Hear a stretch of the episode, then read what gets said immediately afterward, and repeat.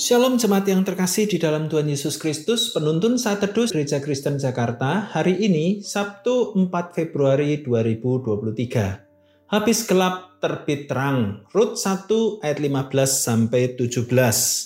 Berkatalah Naomi, telah pulang iparmu kepada bangsanya dan kepada para allahnya, pulanglah mengikuti iparmu itu tetapi kata Rut, janganlah desak aku meninggalkan engkau dan pulang dengan tidak mengikuti engkau, sebab ke mana engkau pergi, ke situ jugalah aku pergi, dan di mana engkau bermalam, di situ jugalah aku bermalam. Bangsamulah bangsaku, dan Allahmulah Allahku.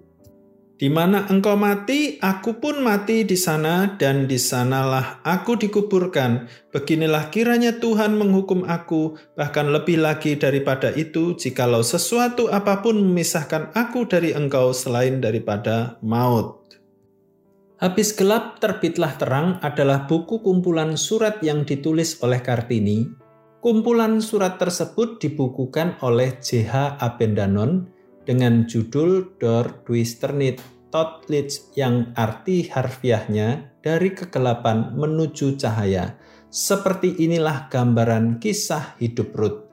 Setelah kehilangan yang bertubi-tubi dialami Naomi, Naomi menganjurkan dua orang menantunya, Orpa dan Ruth, untuk tetap tinggal di tanah air mereka ia merasa mereka tidak akan mempunyai kesempatan untuk menikah kembali dan hidup bahagia bersamanya.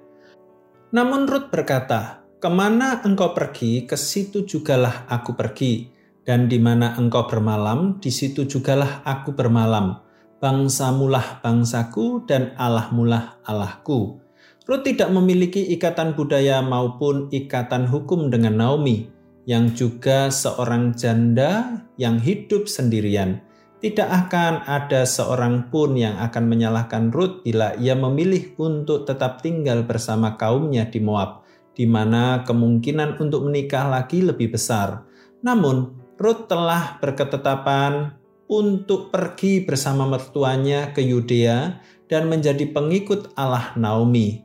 Rupanya Naomi telah menyalurkan imannya pada Tuhan Allah melalui teladan dan ajaran kepada Ruth. Iman Ruth pada Allah membuatnya tetap setia dalam kasihnya kepada Naomi.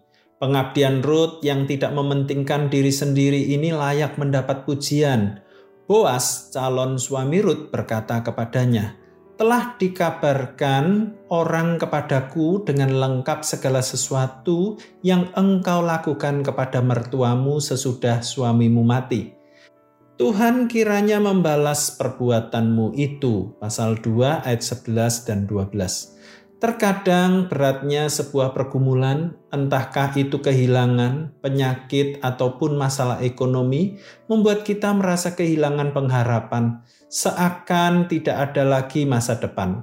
Namun kehidupan Ruth mengajarkan kita bahwa ketetapan hatinya untuk percaya kepada Allah yang hidup membawanya pada pengharapan bahwa masa depan itu sungguh ada dan harapannya tidak akan hilang di dalam Allah.